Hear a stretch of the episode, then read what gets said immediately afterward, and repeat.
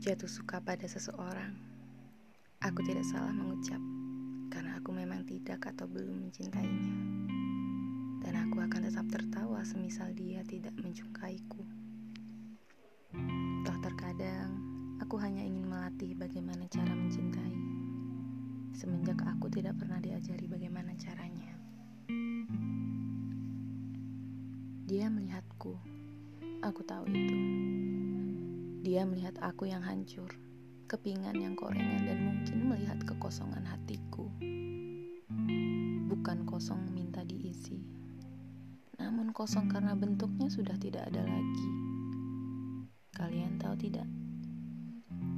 Rasanya kadang aku tak pantas untuk menyukainya. Tapi aku sendiri mafhum kalau dia pun tak sanggup denganku.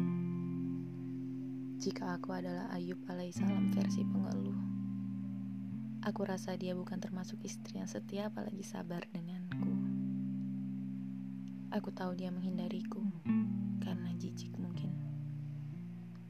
Tapi biarkan ku panggil kau mas.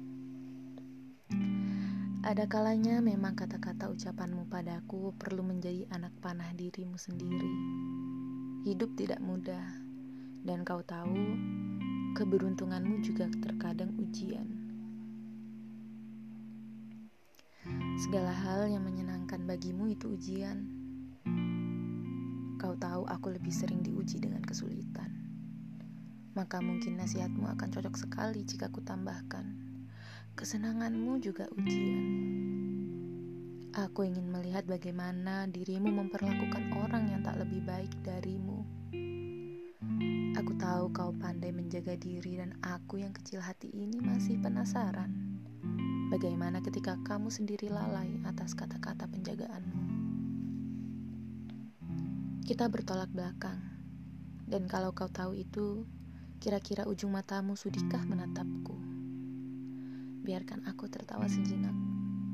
Di saat kamu bersinar begitu terang, mungkin kau ingat doa ibumu di sana, atau sesekali doa ayahmu, atau mungkin doa perempuan-perempuan terdekatmu. Apa aku salah satunya? Aku memang mendoakan cahaya buatmu. Aku si egois, pendiam dalam kegelapan sok bisa memberikan si kunang-kunang lampu terang. Dalam doa baikmu, sebut namaku. Aku tahu kamu ingat namaku, dan sejak tulisan ini dibuat dan dibaca olehmu, aku harap dia menghantui kamu di doa-doa akhir malammu dan setelah doa wajibmu. Aku pribadi tidak ingin jadi hantu saat ditolak olehmu.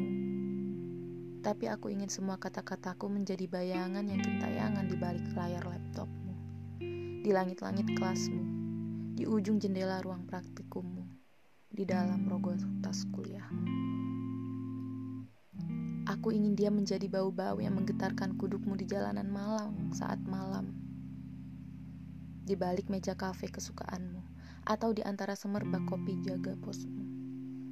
Aku ingin kata-kataku menyeruak tanpa arah, membuatmu kepayang karena kelalaianmu sendiri. Jangan salahkan aku. Ini semua doaku. Jika Tuhan berkehendak, semua hal terjadi padamu, maka Dia memang ingin kau sadari suatu hal. Yang jelas, ketika itu memang terjadi padamu. Hiduplah dengan segala keinginanmu, Mas. Aku ingin menepi dan berdiri di ujung jembatan biru yang ringkih di tengah kota Malang ini.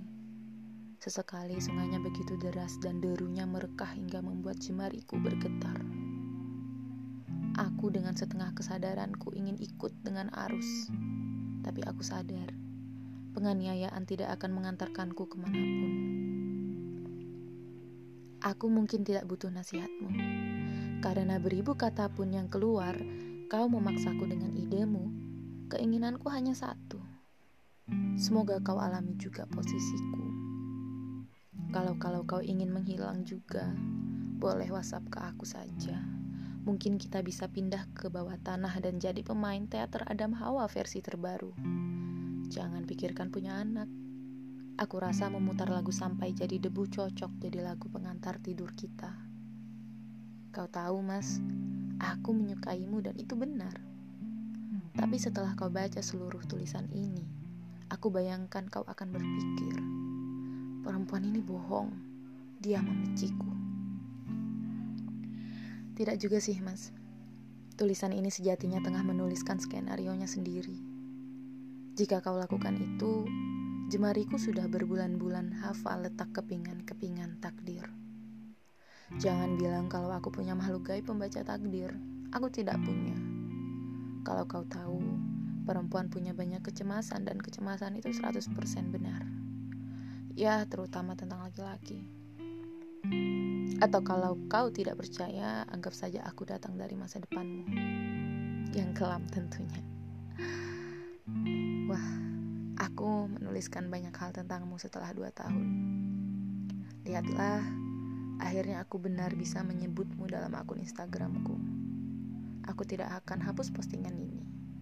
Mungkin aku akan biarkan dia tetap ada hingga seminggu, dua minggu, sebulan, setahun, dua tahun, sepuluh tahun, hingga kau baca tulisan ini.